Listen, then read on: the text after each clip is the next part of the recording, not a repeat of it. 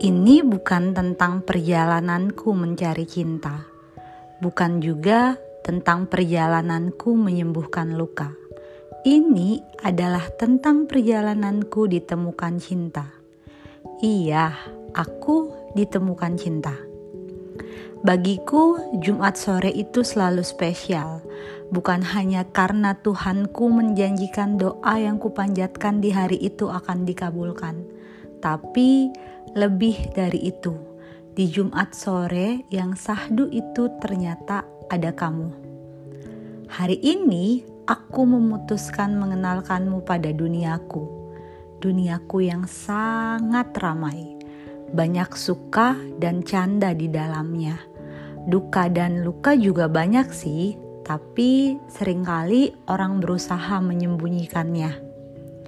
Eh, sebentar, aku belum perkenalan. Namaku Akuila, pakai Kia dan namanya namanya Altar, tapi ejaan hurufnya A L T A I R. Nama kami unik ya, seunik kisah kami Eh, kok pede banget aku bilang kami? Kalau kami kan berarti aku dan altar, sedangkan selama ini kan cuma aku, itu menurutku.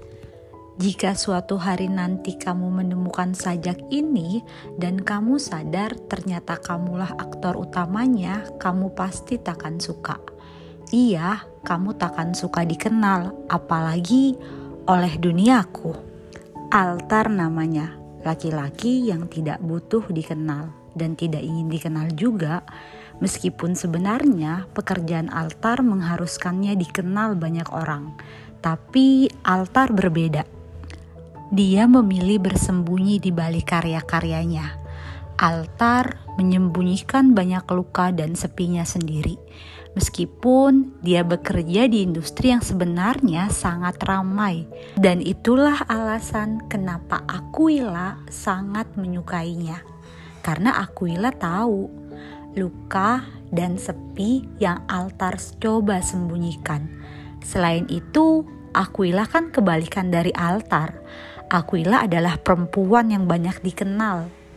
Karena memang ia ingin dikenal juga sih, tapi Aquila memang layak dikenal kok. Aquila bukan hanya cerdas, dia juga periang, ceria, dan uniknya kehadirannya membawa banyak keceriaan untuk orang di sekitarnya.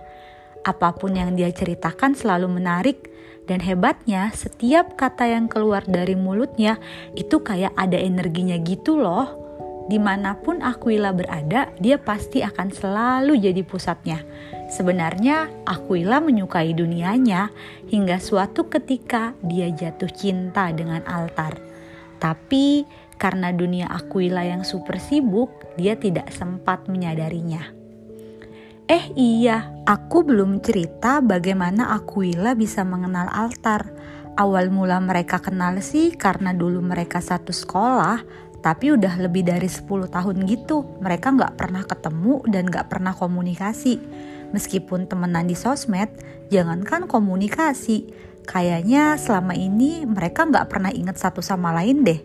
Hingga akhirnya satu tahun yang lalu mereka ketemu lebih tepatnya ketemuan sih kok bisa itulah cinta dan itulah uniknya semesta dan kisah ini baru saja akan dimulai 500 km.